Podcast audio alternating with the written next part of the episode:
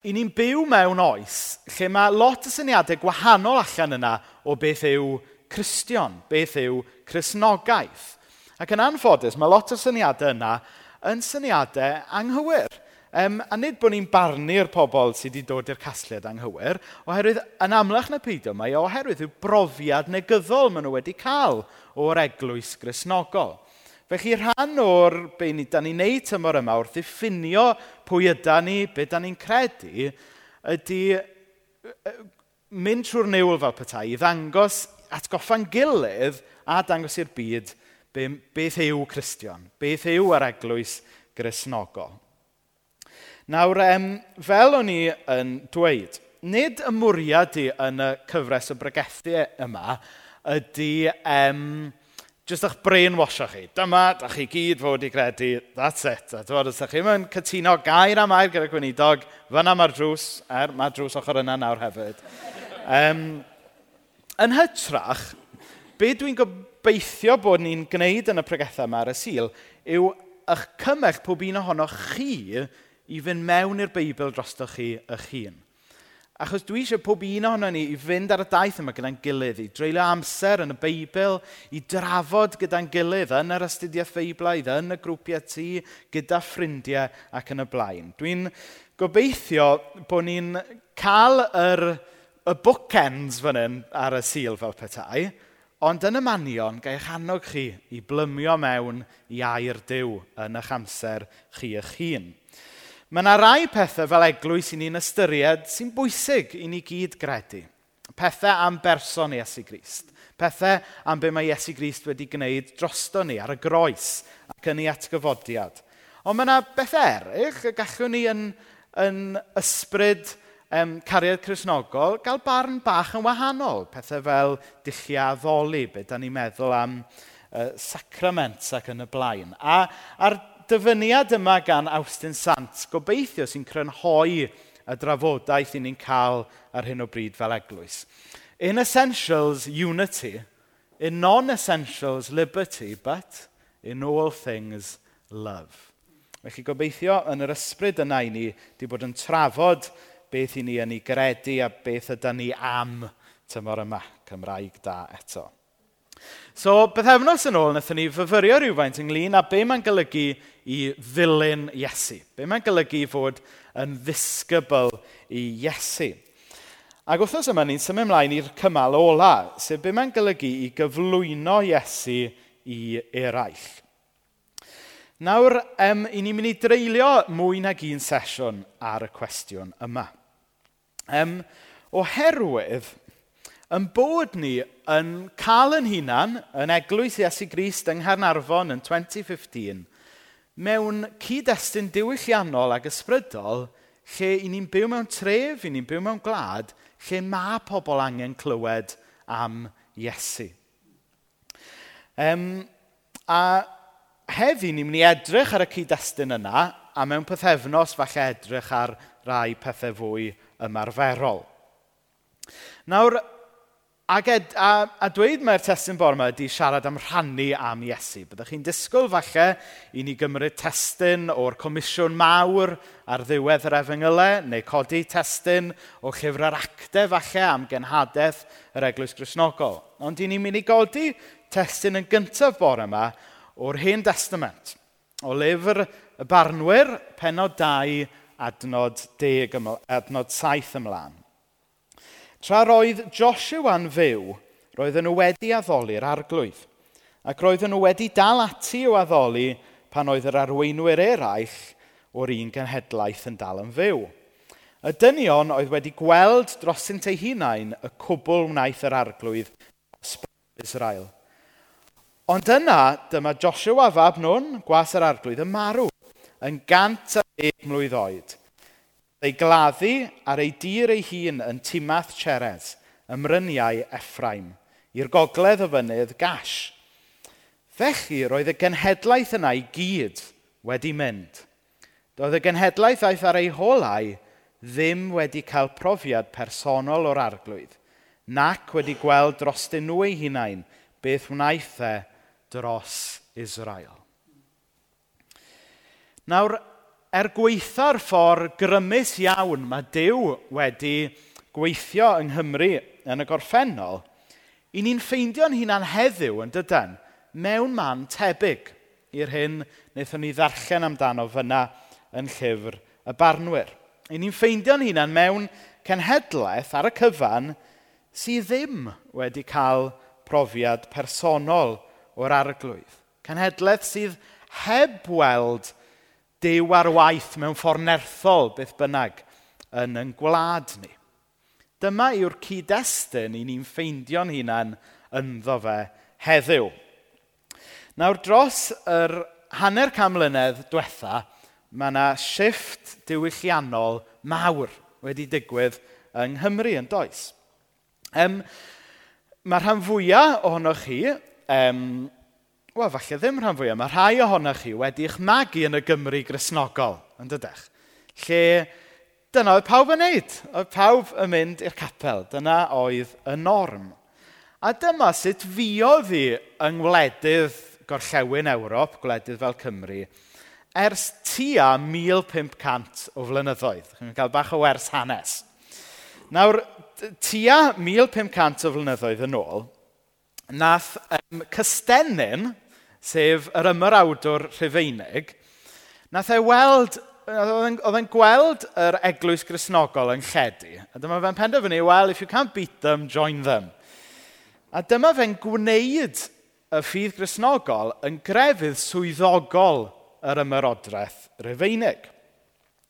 Nawr, ar un wedd, oedd hwnna'n beth da i ddechrau, oedd yn golygu bod Cresnogion ddim bellach yn cael eu lladd jyst am fod yn Cresnogion. Oedd yn golygu wrth i'r ymyrodraeth rufeinig ledu bod y ffydd grisnogol wedi gallu lledu gyda fe. Ac oedd e'n golygu am 1500 o flynyddoedd bod, bod yr eglwys grisnogol wedi cael lle canolog mewn cymdeithas a, a fedrodd yr eglwys Grisnogol ddefnyddio hynna fel ffordd i rannu am Iesu Grist, fel ffordd o ddangos cariad a daioni Iesu Grist mewn cymdeithas. Ond mi oedd yna ochr um, negyddol i'r wneud y ffydd grisnogol yn grefydd official um, gwledydd. Oherwydd, fe ddath ei fod yn label diwylliannol yn fwy na ffydd fyw.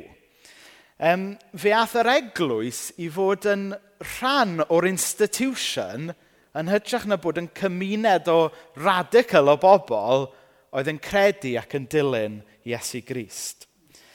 Ac wrth i'r ffig Gristnogol ddod yn grefydd official, oedd rhywbeth o galon y ffydd Gristnogol wedi cael ei gochi. Nawr, hyd yn ddiweddar, dyma oedd y norm yng Nghymru, ynddo fe? Um, oedd Cresnogaeth a um, y bywyd Cymraeg bron a bod yr un peth. Chybod, oedd bod yn Gymro a bod yn Gristion sort of yn golygu'r un peth. Oedd pobl ddim yn gweld y gwahaniaeth rhwngddo fe. Um, ar y llun yma um, sgennau, ac eto, na ni, Un, un anfantais oedd y capel yw fod fy nghlicr i ddim yn gweithio. So, wythnos nesaf, dyn ni'n anhofio am y capel am yn ôl i'r festri. Um, yeah. Nawr mae'r llun yma yn lun um, o glawr llyfr gan y hen athro i fi, Richard Wynne Jones. Um, a beth yw'r llyfr? Yw llyfr sy'n edrych ar han, rhywfaint o hanes Cymru yn yr ugeinfed ganrif. A fe nath e y wasg gomisiynu artist i wneud llun ar gyfer clawr y llyfr. A sylwch, um, hynny yw, llun oedd yn gynrycholiadol o Gymru, Gymraeg yr ugeinfed ganrif. A sylwch beth sy'n bang yn y canol yna, y capel Cymraeg yn dyfa. A mae'r llun yna'n rhyw snapshot yn dydy o'r, or Gymru grisnogol um, mae lot ohonoch chi wedi'ch geni a'ch magu ynddo fe. Lle oedd y capel, lle oedd y ffydd grisnogol a lle cwbl canolog yn, yn, y, yn y byd Cymraeg. Ond wrth gwrs, erbyn heddiw, mae pethau wedi newid. Fel mae'r adnod yna o barnwyr yn dweud eto. Felly roedd y genhedlaeth yna i gyd wedi mynd, wel, i chi gyd ddim wedi mynd, Doedd y genhedlaeth aeth ar ei holau ddim wedi cael profiad personol o'r arglwydd, nac wedi gweld drostyn nhw eu hunain, beth wnaeth e dros Israel. Na mae'r profiad o gochi y Gymru grisnogol wedi bod yn brofiad poenus yn do. E, mae'r llun nesaf yma yn dangos um, capel rolen y de, dwi'n meddwl, wedi droi yn capet warehouse. Ac, a mae hwn yn lun trist yn dydy. A mae'r profiad o, o gochi y Gymru grisnogol a, a pan oedd y capel a lle canolog yn yn cymunedau ac yn yn trefi ni. Mae e'n brofiad anodd yn dydy. Ni'n teimlo fel bod ni'n cochi rhan ohono ni fel Cymru. A reswm pam yw achos bod y cyd-destun diwylliannol, y cyd-destun ysbrydol, wedi newid lot cynt na i ni fel eglwys wedi gallu newid gyda fe. Mae llawer o grisnogion ac eglwysi yng Nghymru heddiw dal i gario ymlaen union fel tasau ni'n byw cam mlynedd yn ôl. Ar y llaw arall, mae'r byd yn cwmpas ni wedi newid. Ond da ni yn aml fy Cresnogion dal i feddwl bod hi 1920 a bod pawb i ddod i'r capel a bod na ni'n disgwyl i ni ddod i'r capel wir achos bod nhw'n Gymru. Ond nid dyna'r cyd-destun mae Dyw yn galw ni i fod yn ddisgyblion iddo fe heddi. Mae'r ma, oes wedi newid. Nawr, um, o'n i mewn cynhadledd pethefnos yn ôl, ac ydy un o'r siaradwyr yn sôn am pwy nofel oedd yn sôn amdano nawr mena, fi di anhofio roed yn noddiadau. Wizard of Oz. Iawn? Wedyn mae yna ran yn y, yn y yn y stori yna. Lle mae'r prif gymeriad, Dorothy, mae'n... Dyma reswm pan dylech chi roi phoffydd yn eich nodiadau. A mae Dorothy, mae'n mae mynd am dro neu rhywbeth, a mae'r goeden, ydy? Ie, yeah, a mae'r goeden yn sia dechrau siarad, a mae'n... Be, be, be mae'r goeden yn siarad, a wedyn mae hi'n dweud, and then she remembered she wasn't in Kansas anymore. A mae'n bwysig, pan i ni'n meddwl am yn cynadaeth ni, mae'n bwysig bod ni'n cofio, we're not in 1905 anymore. We're not in 1920 anymore. We're not in 1815 anymore, wrth bod ni'n cofio 200 mlynedd yr eglwys. I ni yn lle rydyn ni. Felly'r her i ni yw nid, wrth gwrs, i ni'n diolch am y gwaith mae Dyw wedi wneud yn y gorffennol. Peidiwch cael fi'n anghywir, ac i ni'n anrhydeddu y gwaith mae Dyw wedi wneud yng Nghymru yn y gorffennol. Ond mae Dyw yn galw ni fod yn ddisgyblion ac yn genhadon iddo fo heddiw. A i ni'n gallu edrych yn ôl am ysbrydoliaeth, ond weithiau, a i ni fel Cymru'n bobl gweld am hyn, i ni'n edrych yn ôl i rhyw oes air, a ni'n meddwl, o, oh, os bydde hi ond fel na eto. Ond tybod, y dyfodol mae Dyw wedi'n galw ni i fod yn ddisgyblion ac i fod yn dystion iddo fe. Nawr, yn yr hen amser, yn yr hen testament, oedd, um, yn ni clic mae'n yn ni, um, oedd pobl ddiw wedi i cael eu cymryd i ffwrdd i'r alltyd, mewn i exile. Ac i ryw raddau, mae'r ma profiad i ni fel Cresnogion yng Nghymru wedi brofi wrth gochi y Gymru Cresnogol, mae e wedi bod yn dramatic iawn, mae fe wedi bod yn harrowing iawn, mae fe wedi bod yn emosiynol iawn, a mae e wedi bod yn gyflym iawn tebyg i'r profiad pan gath pobl dew i cymryd i ffwrdd i'r alltyd. A'r cwestiwn oedd gan pobl ddew slawer dydd oedd, sut allwn ni gannu cyneuon yr arglwydd ar dir estron? A dyma yw'r cwestiwn i ni yn gorfod gofyn heddiw. A rywydd, da ni mewn tir estron rwan. Da ni mewn uncharted territory i grisnogion yng Nghymru heddiw. Sut allwn ni gannu caneuon yr arglwydd mewn tir estron? Sut gallwn ni gannu caneuon yr arglwydd heddiw? Does dim bydd mewn galaru am yr hyn a gollwyd, ond mae bydd eto i ddysgu canu can yr arglwydd heddiw yn yr oes mae Dyw wedi'n gochwn ni ynddo fe. Ac yr, yr hanes o'r Beibl dwi eisiau ni fel amdano bore yma ydy gair oedd gan um, ddiw trwy'r proffwyd Jeremia yw bobl yn yr alltyd. Um, dyma mae'r arglwydd holl bwerus, Dyw Israel, yn ei ddweud wrth y bobl mae wedi'i hanfon yn gaeth o Jerusalem i Babylon. Adeiladwch dau a setlo i lawr. Planwch erddi a bwyta'r hyn sy'n tyfu ynddyn nhw. Priodwch a chael plant. Dewisiwch wragedd i'ch meibion a gadael eich merched briodi – er mwyn iddyn nhw hefyd gael plant. Dwi eisiau eich niferoedd chi dyfu yn lle lleihau. Gweithiwch dros heddwch a chwyddiant y ddinas ble dwi wedi mynd â chi'n gaeth. Gweddiwch ar yr arglwydd drosti. Eich chwyddiant hi fydd eich chwyddiant chi.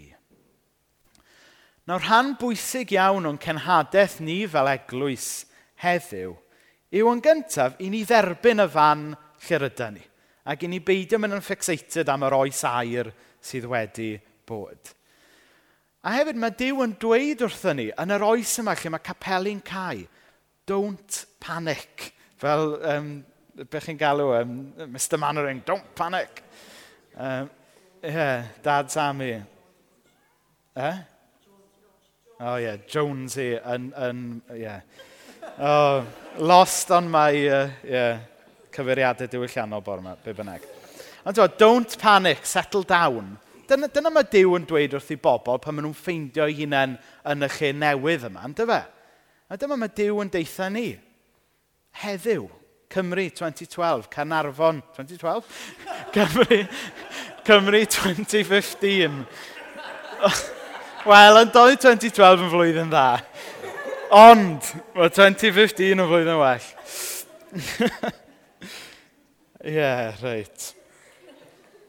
Hynny yw, sdim pwynt i ni fod yn hung up ar yr hyn i ni wedi colli. Ond gadewch i ni feddiannu y wlad mae Dyw wedi roi i ni heddiw.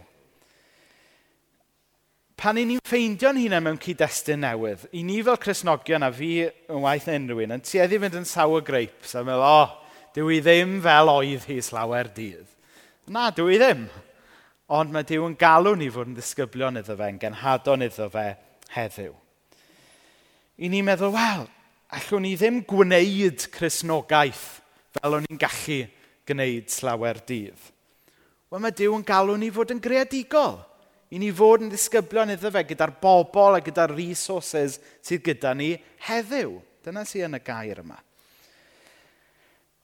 Oherwydd, o fe nôl i'r adnod yn barnwyr – i ni'n byw mewn cenhedlau sydd ddim wedi cael profiad personol o'r arglwydd, nac wedi gweld dros nhw eu hunain beth wnaeth e dros Gymru. I ni yn diolch i ddew am yr hyn mae e wedi gwneud. Ond tybed allwn ni bore yma, freuddwydio am yr hyn mae e eto mynd i wneud yng Nghernarfon ac yng Nghymru. Gobeithio gallwn ni wrth, wrth i ni ddathlu dau gamlwyddiant y capel. Ac wrth i ni um, bore yma ddod nôl i'r capel am y tro cyntaf ers bron ddeg mlynedd ar y sil, sut allwn ni gannu cyneuon yr arglwydd ar dir estron? Neu, a roed y ffordd arall, sut allwn ni gannu yr un hen gan, ond mewn idiom newydd, sy'n mynd i gysylltu'r pobl sydd yn cwmpas ni heddiw i'r newyddion da yn Iesu Grist. Neu ydy ni just yn hapus i fwrw'n dagre wrth yr afon yn Babylon a cofio am yr hyn a fi a na ni, hel atgofion. I ni'n trysori atgofion ac i ni'n diolch i ddew am yr atgofion. Ond tybrech ni fod yn fwy excited am yr hyn mae Dyw mynd i wneud heddiw. Be mae'r Dyw mynd i wneud fori yng Nghernarfon yng Nghymru. Mae Dyw yn galw ni i ddiolch am 1815 ond mae e'n galw ni i fod yn genhadon ac yn ddisgyblon iddo fe yn 2015. Ac ewn ni geisio Dyw am ei arweiniad i ni fel eglwys felly yn y gwaith o gyflwyno Iesu i eraill. A newn ni ddod nôl at y cwestiwn yma mewn pethefnos. Amen.